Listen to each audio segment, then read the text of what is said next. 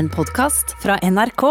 Terje Formoe er Fredrikstad-gutten som utdanna seg til å bli lærer, men som ikke klarte å holde seg unna gitaren. Det har ført til flere plater og en håndfull bøker, men aller mest kjent er han nok som hjernen og skuespilleren bak Kaptein Sabeltann, med populære midnattsforestillinger i Dyreparken, plater, bøker, filmer og alt du kan tenke deg. Og nå er han her hos oss, altså Terje. Drivkraft med Ruben Gran i NRK P2. Terje Formoe, velkommen. Tusen takk. Står til. Står til veldig bra, Ja. egentlig. Du kom, kommer du rett fra sjøen nå, du? Nei, det gjør jeg vel ikke. Eh, Jeg tok faktisk eh, bilen inn til Oslo, men jeg syns Oslofjorden er så lang. Ja. Det var ikke så lenge siden jeg kjørte den. Eh, Så, men jeg skal nok snart ut på sjøen igjen. Mm. ja, for det er du ganske ofte, har jeg inntrykk av. Ja, men så har det vært sånn at eh, jeg har hatt tre år uten båt. Og det har, ble etter hvert en pest og en plage, holdt jeg på å gikk av båt. Så da den kom ut på vannet i år, så begynte livet igjen, følte jeg. Ja, hva, hva, var det, hva var det du fikk tilbake da? Nei, jeg har kjøpt ny båt. Eh, så det er en eh, en Targa, en britisk båt. Eh, som du kan bo og leve i og reise langt i. Hva er det du liker så godt med å være på sjøen? Det er veldig mye. Det har vel kanskje noe med mennesketypen jeg er å gjøre, men, eh, men eh, det er annet det å komme til en by i båt. Det er noe helt annet enn å komme i bil. Du kommer på en måte midt inn i hjertet av byen og legger deg til der, og folk kommer og sier hei, og folk er veldig hyggelige ute på sjøen. Og så har du den muligheten å dra ut på, i skjærgården og legge deg der. Og ikke minst liksom ja, Forrige gang jeg dro til Fredrikstad i båten min, eh, kjørte av gårde en tidlig morgen og kommer ut på åpent hav, og der er, eh, ligger det flatt. Og det er som å seile rett inn i sola og sitter der og spiser frokost.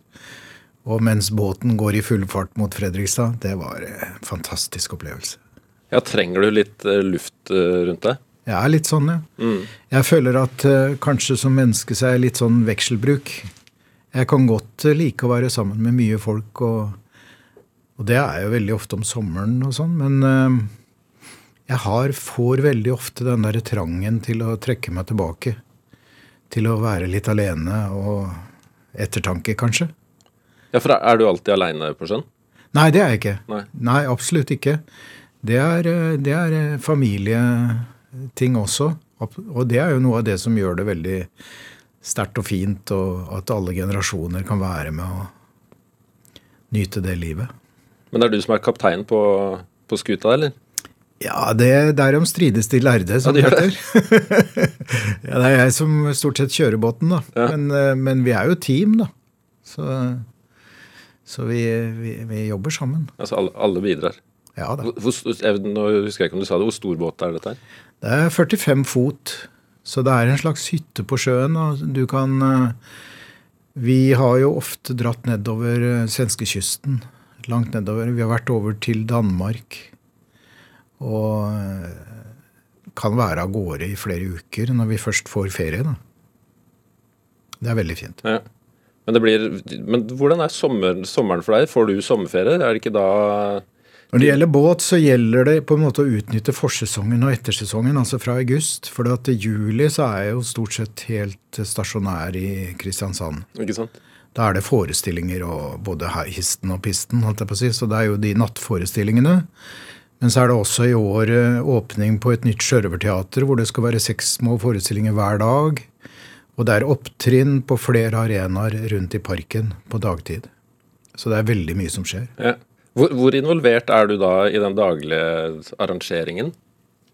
Jeg har jo folk som overtar når jeg har skrevet manus og skrevet sangene, så overtar de, og veldig flinke folk på alle, og Dyreparken er jo en fantastisk produsent. Eh, Men så har jeg en teaterstab også, med Bjørn Sæther og Helen Vikstvedt i spissen, som, eh, som liksom tar over stafettpinnen. Men jeg, jeg sitter på en måte og passer på produktet mitt, på, på barnet mitt. Så du går rundt i parken og passer på at folk eh, ivaretar Det er veldig er inspirerende. Men det er nei, eh, ja, jeg tar- noen sånne runder og ser en gang imellom, da, men eh, kveldsforestillingene er spesielt mye på. Mm. Og, og er- det er veldig inspirerende egentlig å være der òg, se folkehavet. I et vanlig år så kan det jo være 2600 som sitter på tribunen ved midnatt. og det alle generasjoner. Og det, det, er noe av det fineste jeg opplever hver eneste sommer. Ja, det kan jeg skjønne. Men si meg, eh, jeg kommer jo i fare for å nesten gjøre det sjøl. Eh, hva syns du egentlig om å bli kalt Kaptein Sabeltann? Du, jeg, jeg, skiller veldig mellom eh, privat og pirat, ja. for å si det sånn. Jeg liker jo å være Terje. Kaptein Sabeltann er noe jeg har skapt. Og jeg har spilt den også for eh, ganske mange tusen mennesker. Men eh, jeg liker å være meg selv. Jeg mener jeg har liksom veldig mange andre ting jeg er interessert i også. Men Kaptein Sabeltann er jo et, eh, på en måte barnet mitt. Og det er større enn de andre prosjektene jeg har vært lagd, i hvert fall. fordi det er jo et slags opplevelsesunivers. Og da omfatter det veldig mange, alle formater egentlig, og eh, veldig mange forskjellige produkter, mange uttrykksformer. Så det tar jo en god del av livet mitt, men det betyr også at jeg har det der behovet for å koble ut og koble av. Og det er jo der eh, liksom privatlivet kommer inn, ikke sant. Det, vi bor, vi bor, liksom litt sånn eh, for oss selv på en måte. Noen få naboer rundt oss. Rett ved sjøen. Og, og, og, og båtlivet også. Alt det der med å trekke seg unna, det har jeg veldig sterkt behov for. Ja. Du skal få lov å være Terje her eh, i Drivkraft i dag. Det setter jeg pris på. Ja. Men vi må selvfølgelig prate om kapteinen du har skapt. Hva har du og han felles? Um, det er mye på altså, sjøen, altså, da. Bortsett ja, det. Det, kan, det kan du godt si. At der er det jeg tror jeg, jeg tror jeg, fikk veldig mye inspirasjon uten å vite det til Kaptein Sabeltann allerede da jeg var guttunge. Eh, gjennom folk jeg møtte, og som, folk som var meg nær. Og, men eh, Kaptein Sabeltann er jo en slags arketype. Eh, så for meg så handler ikke historien om Kaptein Sabeltann bare om han. Det handler om et sett av mennesker med forskjellige egenskaper eh, som på en måte står imot hverandre. Men kapteinen selv er for meg Altså, det er veldig mye du ikke vet om kaptein Sabeltann. Han er en mytisk figur som eh, og, og, det er jo via alt det du ikke vet, at han blir mystisk. Det er jo det som skaper den magien og mystikken. Eh, men han er jo, for å si det veldig kort, så er han jo et slags bilde på materialismen. Altså dette her å tro at du kan bli lykkelig bare du skaffer deg flere ting, altså mer gull, mer eh, rikdommer. Og så er det andre figurer, karakterer inne i universet, som skaffer seg et litt annet livssyn etter hvert. Han for noen år siden så var det en psykolog som på en måte tok en slags uh, psykologisk vurdering av kaptein Sabeltann, og landa vel på at han har klare psykopatiske trekk. Ja, nå, ler du. Hva tenker du om det? Unnskyld meg, men da, da måtte jeg le. Ja. Jeg så den, jeg òg. For at uh, da har du på en måte Altså, når, når voksne folk uttaler seg på den måten, så bærer det preg av at de ikke har satt seg inn i universet, opplevelsesuniverset overhodet. Eh, for meg så blir det litt det samme som når en fireåring er i trassalderen og tramper og skriker og bærer seg, og kaller gutten eller jenta en psykopat. Det er like lite treffende. Det er, eh, Kaptein Sabeltann er et, eh, på mange måter også som et stort barn. på en måte. Han, men han er jo han er jo også den figuren han gir seg ut for å være. Han er en stor, sterk sjørøver, en kongen på havet, som han sier, og han påstår jo også at han aldri er redd for noe. Så på en måte så er han også et psykologisk fenomen. For ingen er så god til å fortrenge sine egne nederlag som han. Så det, det, det er flere sider av det. Men øh, psykopat? Nei. Nei. Ah, ok. Eh, du var jo så vidt inne på det. Nå er det altså, flere tiår siden du skapte, skapte, den verden her, og den ja. karakteren. Hvordan kom det til deg? Uh, jeg Det er egentlig Jeg kunne egentlig ha skrevet en bok om det, men uh, jeg tror som sagt at det begynte i barndommen. Jeg hadde jeg tror for alle mennesker så er det veldig veldig viktig at du har minst ett menneske som ser deg klart når du er liten. Jeg tror det veldig ofte gjør en stor forskjell i livet. Og hadde en, vi hadde en husvenn som bodde for seg selv et sted i Fredrikstad. Som malte bilder. Han levde av det. Og han så meg veldig. Og han fortalte meg sånne magiske historier. Han kunne fantasere. Så jeg husker at han fortalte om en mørk skute som seilte over havet. Så jeg tror kanskje han planta noe i meg. Mm. Men du, du satt deg jo ned og konkretiserte dette her? Ja. Jeg hadde jo, jeg hadde jo For det første så Jeg hoppa jo av læreryrket veldig fort etter jeg var ferdig utdanna. Så mange som syntes jeg var forferdelig dristig. Eh, men jeg tok gitaren min og begynte å reise rundt i landet. Eh, og så, etter en stund, så fikk jeg en liten datter, så var det litt sårt å komme hjem og merke at hun hadde lært seg nye ting. Så jeg fant ut at jeg måtte prøve å finne en bedrift som jeg kanskje kunne jobbe deler av året i i Kristiansand. Så jeg gikk på kino og så det berømte bildet av Julius på lysbildene. Og så tenkte jeg Dyreparken. Og så tok jeg kontakt med Dyreparken, og eh, for å si det kort, så fikk jeg i oppdrag den dagen å skrive sangen om Julius, og det ble på en måte inngangsbilletten min til parken. Og så i alle de årene så fikk jeg da overta både underholdning, altså jeg ble underholdningssjef og, og drev også med markedsføring. Eh, og jeg så jo norske artister som kom på den scenen og på en måte konkurrerte med de, de 99 andre attraksjonene. Eh, og hvis ikke artisten traff hele familien, og særlig ikke hvis de, traff, hvis de ikke traff barna, så gikk hele familien.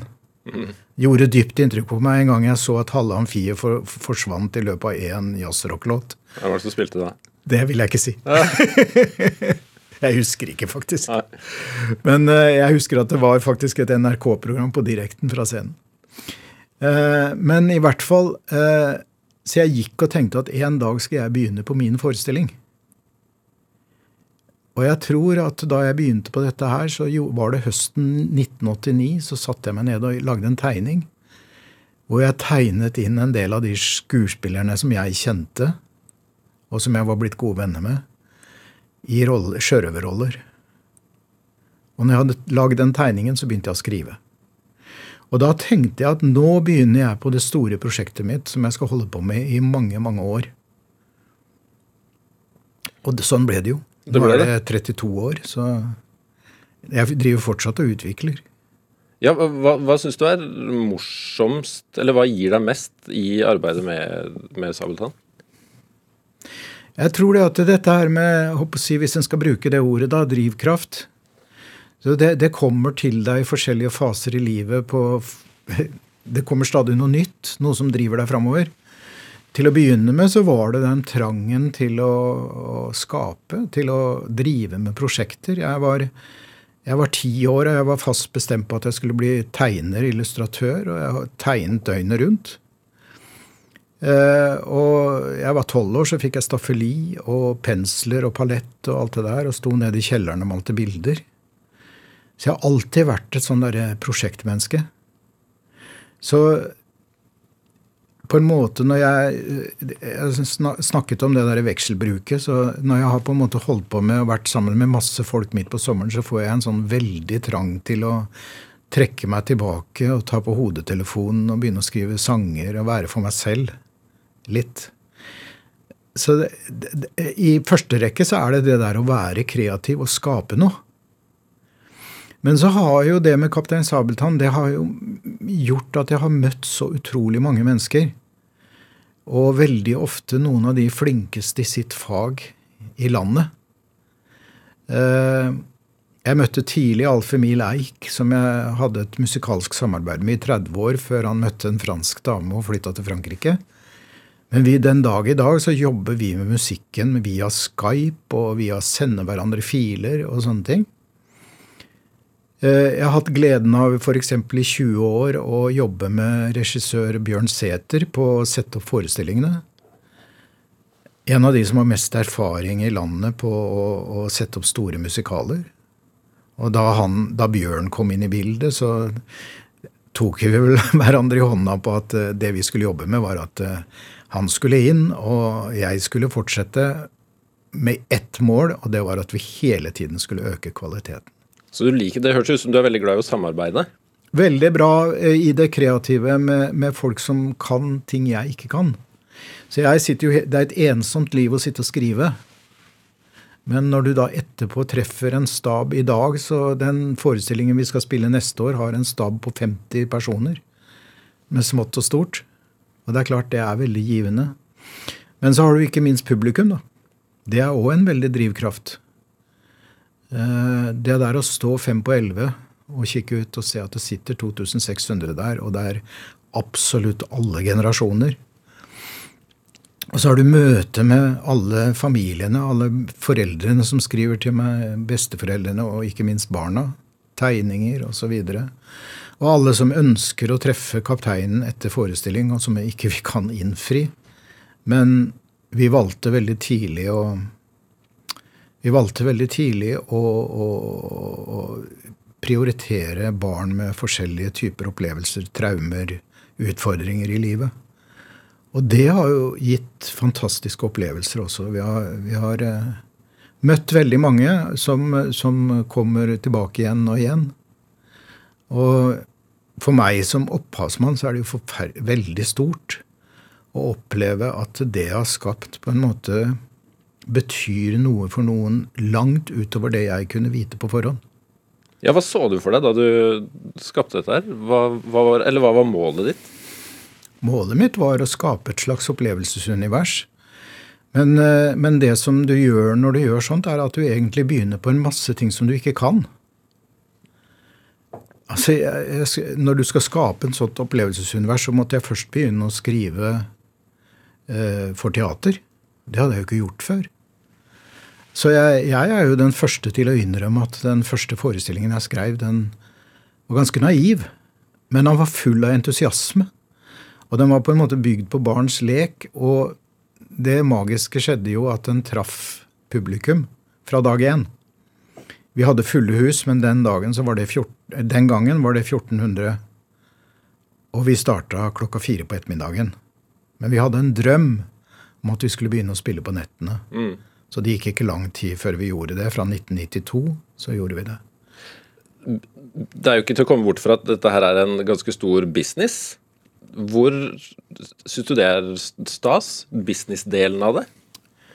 Altså, jeg har, jeg har eh, Jeg tror Jeg skal ikke skryte på meg noe, men jeg har, jeg har på en måte eh, en sånn fase hvor jeg skaper.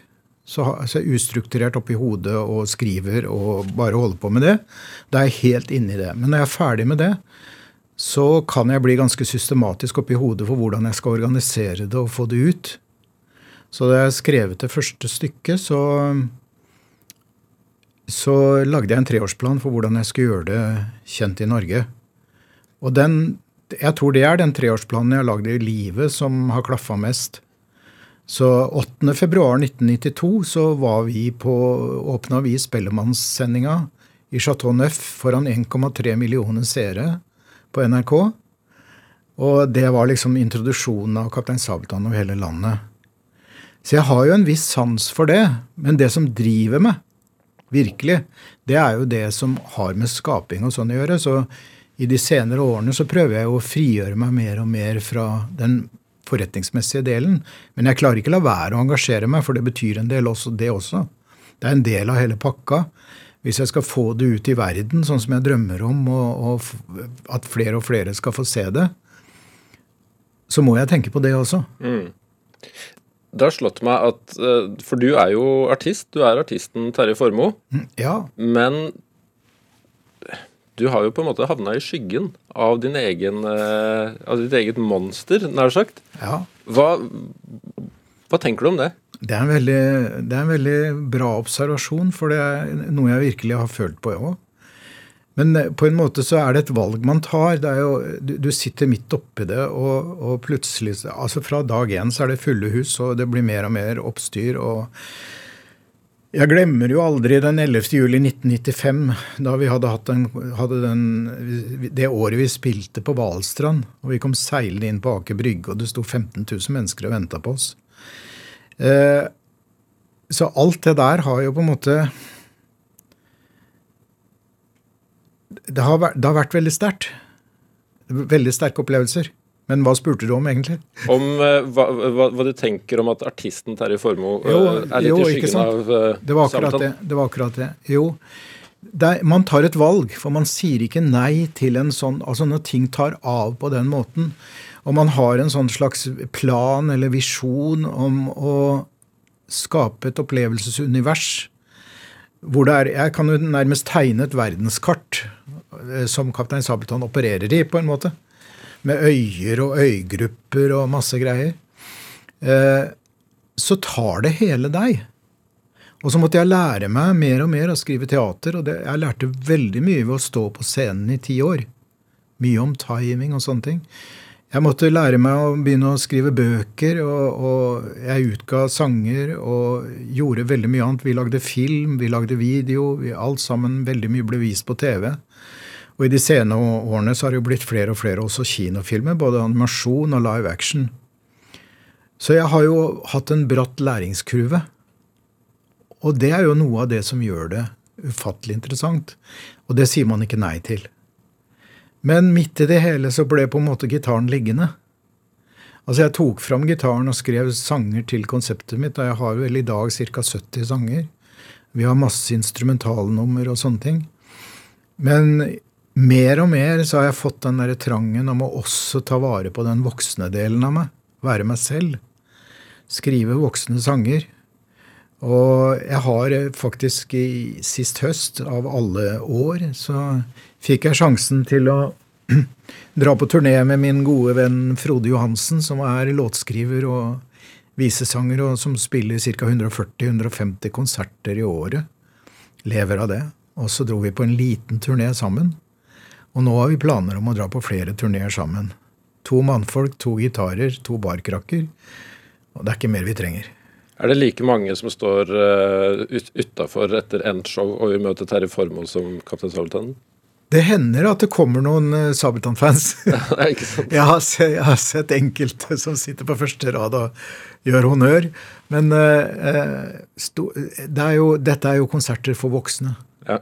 Og, og, noe av det som er så sjarmerende med det, er at det er ikke, det er ikke 2600 på tribunen, men det er intimforestillinger. Eh, intimkonserter. Og du treffer folk på et helt annet eh, nivå. Og jeg er, jeg er Terje. Jeg er ikke kongen på havet. Nei. For du, spiller, du spiller ikke Sabeltann-sanger på de konsertene der? Nei. Nei. Det gjør jeg ikke. Nei. Jeg skriver helt andre sanger og har gitt ut noen album de siste årene. Og nå spiller jeg såpass mye gitar og sånn at noen ganger så Det å skrive sanger er noe rare greier. Ja, Hvordan det? Jo, altså Noen ganger kan du sitte og streve og streve. Du kan streve i ukevis, og du får det bare ikke til. Og så får du ikke på plass. Men uh, eh, f.eks. midt i koronatida så satt jeg ute på terrassen min og så bare satt og tenkte. Uh, med svær jakke på. Så måtte jeg bare styrte inn i huset og skrive ned en tekst jeg hadde fått opp i hodet. og skru, skru på opptakeren. Og bestemte at jeg begynner e, med e-moll og C-dur, og så fortsetter jeg derfra. Og så spilte jeg den rett inn. Så det var på under 20 minutter så hadde jeg lagd en sang som het Fremmed. Og som er på det siste albumet mitt. Som kom i fjor, ikke sant? Ja. ja. Men når du skriver, på en måte tenker du veldig annerledes når du skriver for, eh, for barn og voksne? Eller både òg. Altså. Eh, jeg må jo innrømme at eh, når du skriver så mye for Kaptein Sabeltann, så blir det på en måte mer en sånn skjult personlig opplevelse i det. For man skriver jo for det første til en karakter. Og det, karakteren som skal synge sangen, preger jo låten. Så om det er eh, 'Greven av Gral', så er det ofte en stor symfonisk låt. hvis det er 'Pelle og Pysa', så er det nesten en allsanglåt. Eh, og det er mye mellom der. Så veldig ofte når jeg skriver for Sabeltann, så føler jeg meg litt sånn litt assosiert til eh, The Beatles' White Album. Hvor, eh, hvor musikken går i alle retninger. Men når jeg da skriver for voksne, så blir det jo mer bevisst at det er ut fra mitt eget liv. Det kan være inspirert av en egen opplevelse. Og så dikter du videre derfra, på en måte. Du skrev jo altså For meg så er jo det største du har gjort, det er uh, sangen om Julius. Det, så, så, ærlig, så, ærlig, skal jeg høre. Ja. Jeg er, er i riktig, riktig alder. Uh, skrev du den var, var, det på oppdrag fra Dyreparken? Ja, det var, det var dette her at uh, jeg hadde reist så mye, og jeg hadde fått en datter og ville være litt med hjemme. Og så gikk jeg ut, og så spurte jeg om det var noe jeg kunne gjøre for dem. Og så, dette her var én måned før åpningen av Norges første fritidspark. Så jeg snakka med Edvard Moseid, som var direktør i parken, og sa jeg kan lage masse sanger for dere. Og så sa han du kan lage en sang om Julius. Så dro jeg hjem, og så spiste jeg middag, og så gikk jeg på rommet mitt og var borte i to timer, og så var sangen klar. Så ringte jeg til den og sa nå er den klar. Jeg trenger ikke å høre den, sa han. Hvor mye skal du ha for å spille den inn? Og jeg spilte den inn, og det gikk jo ikke mange lang tid før den var big hit. da. Så jeg husker at jeg, jeg var ofte på byen på fredag kveld og tok siste bussen hjem, men uh, slutta med det. For det, hver gang jeg kom inn på nattbussen, så var det 'Her kommer Julius'. Men, jeg, har vært gjennom, jeg har vært forskjellige karakterer for å si det sånn, gjennom jeg, livet. Jeg, jeg holdt på å si det at først var du i skyggen av en sjimpanse, og så ble det en eh, sjørøverkaptein. ja. Men kjenner, kjenner, du Julius, eller kjente, kjente Ja, kjenner og kjenner. Det er jo andre som kjenner Julius atskillig bedre enn jeg gjør, men jeg har jo møtt den ganske mye. Og jeg var jo markedssjef eh, og, og underholdningssjef i Dyreparken i elleve år, så jeg tok jo ofte journalister og sånn inn i tropehuset for å hilse på Julius. Så han kjente jo meg igjen, så det endte jo med at han, øh, han, øh, han begynte å hive ting etter meg hvis han kunne finne en grein eller et eller annet som kunne hives. Jeg vet ikke. Teorien min er at han ble lei av sangen. Jeg vet ikke. Jeg skulle til å si det, spørre om det. Hva, hva, hva syns Julius om, om, sangen? Det vet jeg ikke. Men kanskje det er derfor han hiver. Jeg vet ikke. Men i hvert fall det som er veldig rart å tenke på, er at alle disse årene etterpå, så i dag så streames Julius-sangen 600 000-700 ganger i året. Etter nesten 40 år. Jeg tror det er rundt der. Og folk har vel stort sett glemt at det er jeg som har skrevet den. Det er blitt en slags folkesang, på en måte. Ja, det har jo det. Du hører Drivkraft i NRK P2. Det gjør du, og her i Drivkraft i dag er det Terje Formoe som, som, er gjest. Mannen bak Kaptein Sabeltann, om ikke mannen bak Julius, i hvert fall mannen som skrev Julius-slageren. Eh, litt tilbake til Kaptein Sabeltann, for han har jo også fått eh, kritikk eh, for å skape feil verdier hos barn, for kommersialisering og feil intellektuell stimuli og masse greier. Hva tenker du om det? Nei, jeg tenker at de tar feil. For veldig ofte så kommer kritikken fra voksne mennesker som ikke har satt seg ordentlig inn i det. Eh, og som jeg sa, at jeg, jeg, er den første til å ta selvkritikk på at noe av det første ikke var godt nok rent sånn teaterdramaturgisk og sånne ting. Men jeg har jobba hardt i alle disse årene og jobber og setter meg inn i ting og jobber med flinke folk. Og jobber hele tiden med kvaliteten. Men, men de idealene da, Du kan ikke på en måte fange idealene i det universet bare ved å se på Kaptein Sabeltann. Du må se på de andre karakterene. For eksempel så er veldig mye av historien er jo om forholdet mellom den lille gutten Pinky og den store kongen på havet. Han vokser opp på den øya og får han som et ideal. Eh, men etter hvert så finner Pinky andre verdier i livet. Han finner andre mennesker som ser noe hos den. Noe av det jeg sa om at eh, alle mennesker har behov for at noen ser deg. Og den dagen da kapteinen endelig oppfyller drømmen hans og tilbyr å være med å seile fast med mannskapet på Den sorte dame, så takker Pinky nei, fordi han går i en annen retning, han vil noe annet. Han er på jakt etter hvem han er, hvor han kommer fra. Men kjøpepress er jo en annen ting eh, som har vært snakk om rundt Sabeltann. Mm. Og det produseres jo veldig mange ting som, ja. som man kan kjøpe. Kan, kan barnekultur kommersialiseres for meget? Ja, det tror jeg. Men det som er vårt ansvar, eh, det, det som er vårt ansvar, er å prøve å skape kvalitet. Og til å begynne med så vi, hadde vi ikke god nok kontroll på det helt for mange mange år siden når vi begynte med det. Eh, men jeg hadde på en måte mine argumenter eh, for at dette her hørte til i et barnekonsept. Fordi at eh, vi prøvde å lage et helt norsk barnekonsept som skulle konkurrere med alle de andre som kom fra utlandet. Og jeg syns det var ganske viktig i seg sjøl at det var noe som kom fra Norge. Det som ble litt rart for meg, det var at noen år senere så følte jeg at til og med NRK, Aktivum osv., når de hadde kommet lenger i det å lage sine egne produkter rundt sine egne serier, så brukte de veldig mange av de samme argumentene som jeg hadde brukt noen år tidligere. Og det er ikke Vi har et ansvar. Vi har et ansvar om å levere kvalitet, men alle har et ansvar. Også foreldre og, og, og de som selger. Men uh, først og fremst så må vi ta våre egne valg. Sånn er det i livet. Hva gjør, eh, hva gjør kritikk, eventuelt motgang, eh, med deg? det er et godt spørsmål, for jeg har jo jeg har jo lagd meg noen jeg håper å si, leveregler. Jeg har levd en stund, og, og til å begynne med så, så, så, var jo selvfølgelig Kaptein Sabeltann noe helt nytt og noe helt annerledes. Og da får du motstand. Til å begynne med så, så var det mye skulderklapp og sånn, men det var, alltid, det var mange som mente at her er det noe helt feil. En barneserie hvor, hvor eh, helten er en skurk, f.eks. Mm.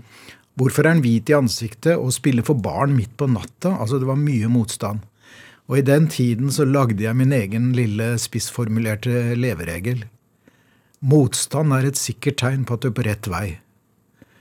Og Med det så mener jeg at hvis alle bare hadde klappet meg på skuldra, så hadde det antagelig vært et uh, signal om at jeg hadde kopiert noen andre. Men det var det at jeg gikk mot strømmen. Det var det som gjorde at det vakte så voldsom interesse også helt til å begynne med, tror jeg. Og hvor, siden den dagen så har vi jobbet med å heve kvaliteten i alle ledd.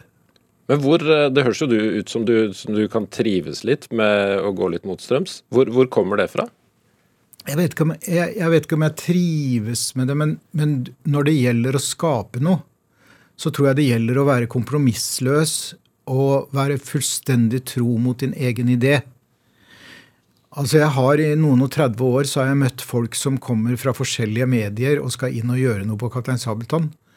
Og svært mange av de mener at eh, nå skal de inn og forbedre. Skal, så skal de forandre på det som er grunnstammen. Det som er hele tonen i konseptet. Og hvis de gjør det, så tar de bort sjelen fra universet. Altså jeg har, møtt, jeg har vært så heldig å møtt noen av de folka som jeg beundrer mest Blant annet så var jeg så heldig å møte Torbjørn Egner på et tidlig stadium. Og møtte han flere ganger. Og jeg møtte også forlaget hans, som fortalte meg at uh, Cappelen Som fortalte meg at uh, en gang så hadde de trykt opp et helt opplag av Kardemommeby-plakater.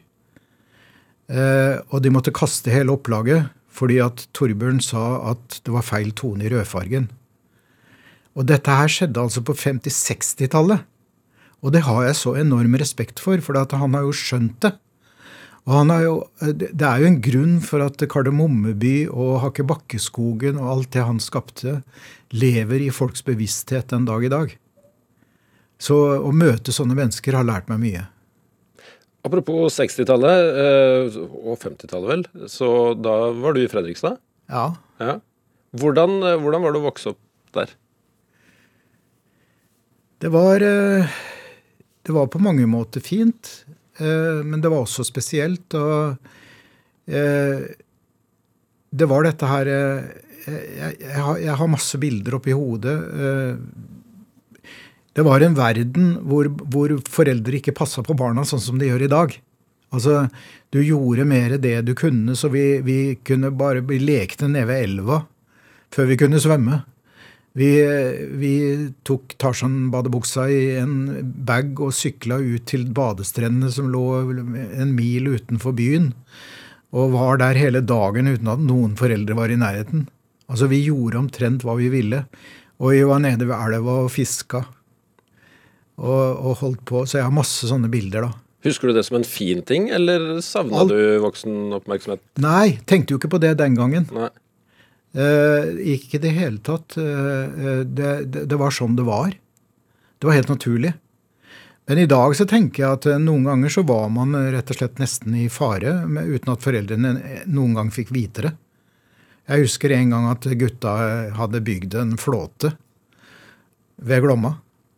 Og så var jeg en av de frivillige som skulle bli med ut på første turen sammen med en som kunne svømme. Og jeg husker at da vi var midt på elva og han nesten gikk under, så, så ble jeg fryktelig redd.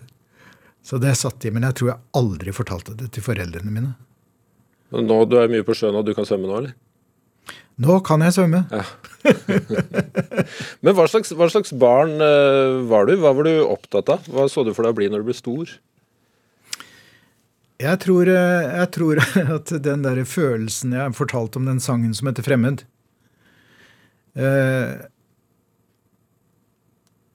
Jeg har så ofte denne nagende følelsen av å være en fremmed, en som står utenfor og kikker inn. Eh, jeg tror mye av det kommer fra barndommen, fordi at eh, jeg vokste opp litt isolert på en måte også. Men samtidig så var jeg fryktelig interessert i fotball og alt det som gutter var interessert i. Og masse lek, og vi bodde rett ved en liten skog og lekte cowboy og indianer og alt det som Cowboy og urinnvånere, som det heter i dag. Mm. Men eh, eh, så, så på mange måter så var det veldig fint. Men samtidig så var det veldig mye som på en måte var Gjorde at vi følte oss litt annerledes, og som gjorde at jeg isolerte meg litt og malte bilder. Eh, sto nede i kjelleren på kvelden og malte og holdt på. Og så hadde jeg en drøm om musikk, da. Så kom, kom den musikken som bare endra livet mitt. Beatles. Og det, det, tok tak i meg noe så enormt. Og så ble det plutselig også en drøm, ikke bare å male bilder og tegne, men også å kunne spille. Så jeg satt opp, Vi hadde en gitar i huset, men jeg kunne ikke noe grep. Så jeg satt bare og lot som jeg kunne spille på den i flere år. Men det ble jo ikke, med det første i hvert fall, eh, maler eller musiker du ble. Hva, hva, hva var det som stoppa deg? Nei, jeg var, eh, jeg var, nok eh, litt umoden, litt svak og, og alt sånt. Og foreldrene mine sa alltid at du kan ikke leve av det, vet du. Så jeg, jeg forlot staffeliet og tok en såkalt fornuftig utdannelse. Jeg reiste til Kristiansand og begynte på lærerskolen. Og kan vel nesten si det sånn at lillebroren min fant staffeliet. Tok seg fire års utdannelse på på Kunst- og håndverksskolen og fire års utdannelse på Akademiet under Knut Rose. Og er billedkunstner den dag i dag. Så han er en av mine yndlingskunstnere. Og Bra du ikke tok med deg staffeliet da du flytta? Ja. Men det, det, du har vokst opp i et såkalt uh, kristent hjem. Hva, hvordan prega det barndommen din? Nei, det var jo litt, det var litt sånn eh, spesielt på en måte, da. For det, var det var jo ikke statskirke og sånn. Det var mer en slags eh, sånn Hva kalles det? Dissentermenighet, sekt. Eh, som var veldig spesiell. Og det var det, det Dermed så Du er liten gutt og, og, får nærmest beskjed om at du skal eh, Du er helt annerledes enn alle andre. Og, og det var, eh, det var vanskelig. En visste vel ikke hvor vanskelig det var før en ble litt eldre, da. Hva, hva slags menighet uh, var det? Det er veldig vanskelig å forklare. For det frimenighet, liksom? Ja, en slags. Ja. Som, som noe som går gjennom over hele verden, og som på en måte var sånn at folk møttes hjemme hos hverandre og sånne ting. Så, så jeg eh, jeg har vel, Det har vel prega meg, meg, i barndommen veldig. Og var nok medvirkende til at det å skape ble en slags ventil for meg, en slags overlevelsesmekanisme. Uh, og jeg beklager ikke det i dag, for at i dag så er det jo Jeg, jeg, jeg, jeg syns det er ganske rart og veldig Nesten litt underlig å tenke på at eh, jeg faktisk lever av det i dag som jeg likte å gjøre da jeg var liten. Det er litt rart. Hva, har du tatt med deg noe videre av den kristne fostringa? Nei, for meg så er, det, så er det veldig sånn religiøse. Det er mye problematisk med det. Fordi, hvis du, Særlig hvis du ser det i et sånt historisk eh, perspektiv også. ikke sant? Og religionskriger, bare det begrepet der. Eh, gjennom historien så har de store kirkesamfunnene de har stort sett eh, Det som virker viktig rent historisk, har vært at de har skaffet seg jord og rikdom og makt. Og at de er eh, politiske organisasjoner. Så jeg er ikke så veldig fascinert av akkurat det. Den åndelige siden av det, har du tatt med noe av det? det er, der har jeg, jeg, har gått en lang vei. Jeg tok først avstand, og så har jeg på en måte Jeg ser noe åndelig, noe som er mye større. Eh, men jeg, jeg, har jeg, har et mye mer sånn positivt livssyn jeg, i dag. Jeg tror mye mer Jeg tror ikke at det er en liten flokk som skal frelses. Jeg tror at vi alle mennesker har noe i oss. Jeg tror at vi alle har eh, på en måte Altså, Noe av det jeg jobber med veldig, er å aldri sammenligne meg med andre. Jeg sammenligner meg med meg selv. Og, og, og, jeg har ansvaret for min egen lykke. Det er ikke andre som har ansvaret for å gjøre meg glad og tilfreds. Så jeg føler at eh, da blir det også lettere på en måte å unne andre deres egne suksesser. Alle har noe i seg som det er mulig å dyrke og komme fram, og så har vi bare litt forskjellig utgangspunkt. Så jeg mener, hadde jeg vokst opp uten et eneste menneske som så meg, så tror jeg at mye hadde vært mye verre, for å si det sånn. Du har med deg en, en artist som har hatt veldig mye suksess. Ja. Finner du noe Får du noe åndelig ut av musikken til Johnny Mitchell? får generelt noe åndelig ut av all den musikken jeg velger. Jeg, eh, musikk betyr mye for meg. Jeg har jo, jeg har jo Jeg vokste jo opp Kom inn i musikkverden, så traff jeg veldig tidlig Rolf Løvland òg, som er en veldig god venn av meg. Og jeg har sittet på, ute på hytta hans, vi var seks mannfolk, satt der en kveld og hadde, hadde et, eh, en fin sammenkomst, og sitter der klokka tre på natta. Og så blir den sangen satt på Rolf setter på den på dataen sin. Og hun står der og synger den, Joni Mitchell. 70 år gammel, med symfoniorkester. Og jeg vet at hun skrev den fantastiske sangen da hun var 19 år. Den har så mye livsvisdom at det er nesten ufattelig at en 19-åring kunne skrive det. Men når hun står og synger det som 70-åring, så er det som om hun har levd alt sammen. Both sides now. Vi høres. Rose and flows of angel hair and ice cream castles in the air and feather canyons everywhere. Looked at clouds that way. But now they only block the sun. They rain and they snow on everyone. So many things I would have done. But clouds got in my way. I've looked at clouds from both sides now, from up and down, and still somehow it's cloud illusions I recall. I really don't know clouds.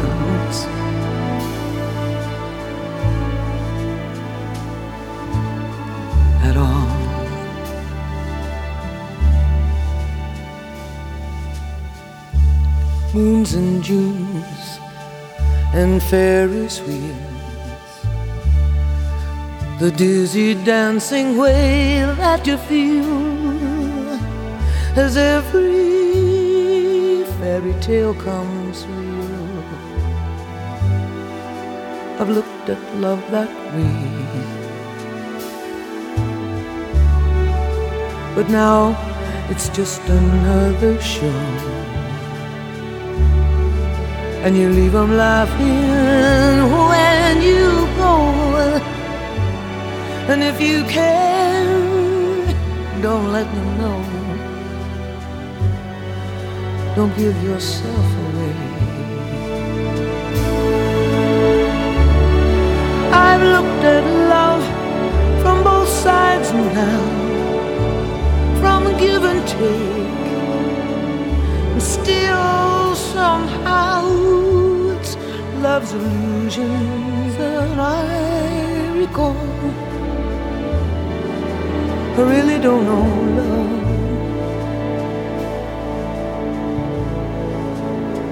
I really don't know love at all.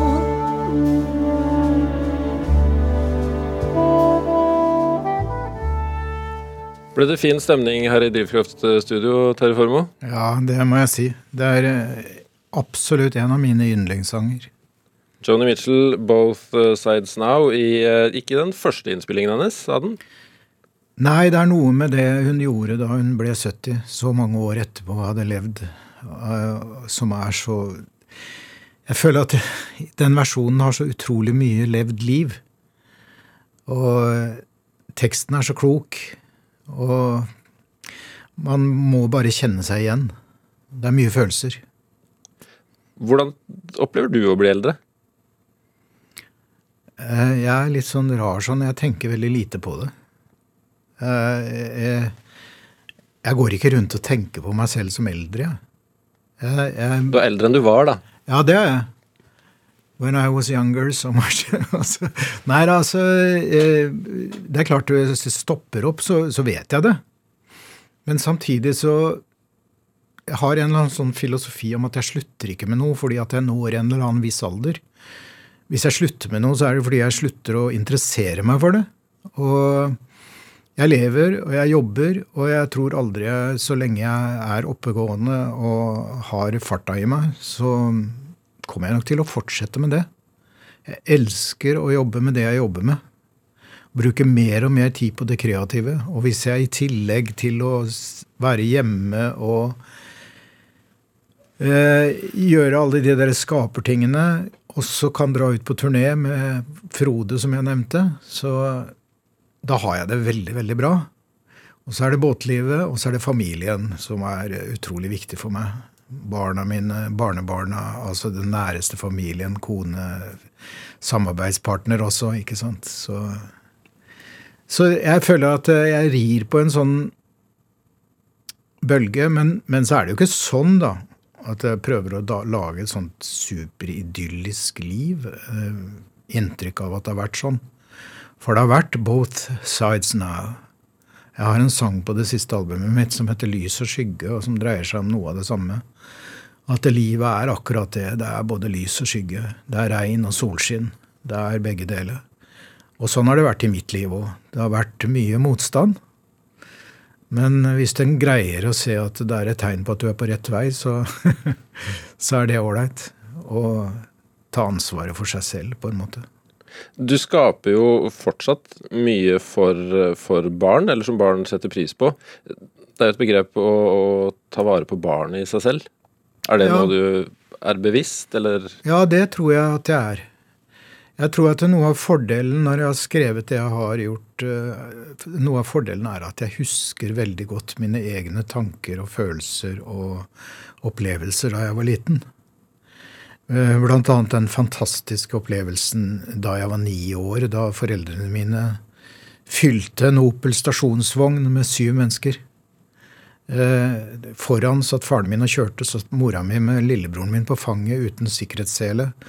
Og bak satt mormor, eh, min eldste søster, jeg og en, hennes pleiesønn på 18 år. Så kjørte vi fra Fredrikstad til Venezia. Tur-retur med telt. Mormor vi la ned setene i bilen, så hun sov i bilen. Og vi, eh, kjernefamilien sov i teltet. Gjennom hele Europa. Det er noe av det sterkeste jeg har opplevd. Å være på Markusplassen midt på natta og få lov å være oppe, og det vrimla av barn i gatene. Der ble noe av kjernen, noe av ideen til nattforestillingen med Kaptein Sabeltann sådd, tror jeg. Ja, du husker hvordan det var å få være lenge oppe? Ja, jeg husker det fordi at vi kom til Markusplassen, og vi var der én kveld. På en fortausrestaurant. Livets første. Og jeg husker at eh, jeg prøvde få, de, de, prøvde forkla- de var ikke så språkkyndige den gangen. De, de hadde, kunne tysk og engelsk, men det kunne ikke italienerne. Så jeg husker at jeg reiste meg og sto på ett bein og sa kykeliky, fordi et forsøk på å fortelle de at vi skulle ha kylling. men, eh, Men, men det var en så utrolig sterk opplevelse, for det var fullt av folk i gatene fordi det skulle være ved midnatt et stort fyrverkeri over Markusplassen. Og jeg har, jeg har jo den filmen i hodet den dag i dag. Og jeg bar det med meg, og jeg tenkte den dagen vi foreslo at vi skulle spille nattforestilling første gang i 1991, for å være helt nøyaktig 15. juli, så, så, så var det rett og slett et produkt av at jeg tenkte det gikk der nede. Da må det kunne gå an i Norge også, i hvert fall i juli. Og ingen andre trodde på det. Dyreparken spådde hvis du får 200 mennesker på den forestillingen din, så skal du være glad. Og Svein Haagensen, min gode venn, som hadde regien og som var skuespiller, og jeg, vi sto bak i kulissene den første forestillingen, fem på elleve, og så ut gjennom kikkhullet vårt, og, og så at det satt 1400 mennesker der, fullt amfi, på den ene første lille forestillingen. Og vi omfavna hverandre og hadde klump i halsen, begge to, og det var starten. Kjente man på barnslig glede da? Absolutt. Ja. Men hvor, har du noen barns, barnslige sider nå? Ja, det håper jeg da inderlig. Ja. Hvordan, eh, hvordan tar det form, holdt jeg på å si? Bisarr humor. Eh, enkelte av barna mine vil vel kanskje karakterisere det som dårlig humor, men eh, det lever jeg fint med.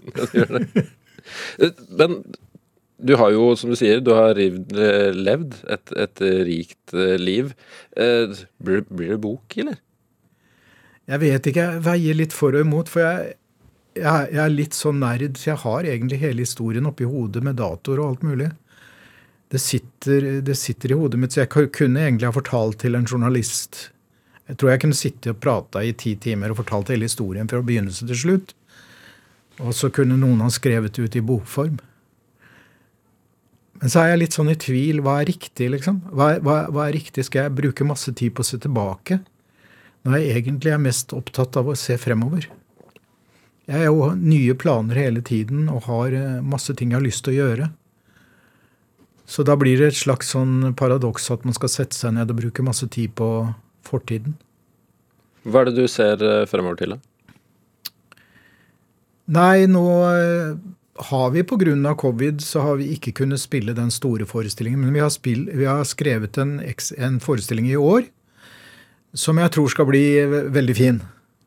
Men så har jeg en, en ferdig, fullverdig forestilling som skal ha urpremiere neste år. Det gleder jeg meg veldig til. Eh, for det er en svær oppsetning, kanskje den største vi har hatt. Ikke kanskje engang, men det er nok det. Med effekter som vi ikke har hatt i Norge før, osv. Og, og så har jeg veldig lyst til å lage flere filmer. Jeg har flere bøker på gang, og jeg, jeg, driver og skriver sanger også, sånn at en dag så har jeg sikkert sanger nok til et nytt Kaptein Sabeltann-album også. Eh, for det er fint å ha en stor katalog. Eh, samtidig med at jeg sitter og skriver voksnesanger og gleder meg til å dra på turné. Det er en del andre ting jeg gleder meg til òg, men det er bare noe av det. Men så er det jo, er det jo selvfølgelig alt det private, da, som er eh, kjernen i alt. Alle de flotte, fine menneskene jeg har rundt meg som jeg er veldig glad i. Og som betyr mye for meg. Familien min. Blir du litt mett av Sabeltann noen gang? Ja, men jeg kan jo ikke være oppi han hele tiden.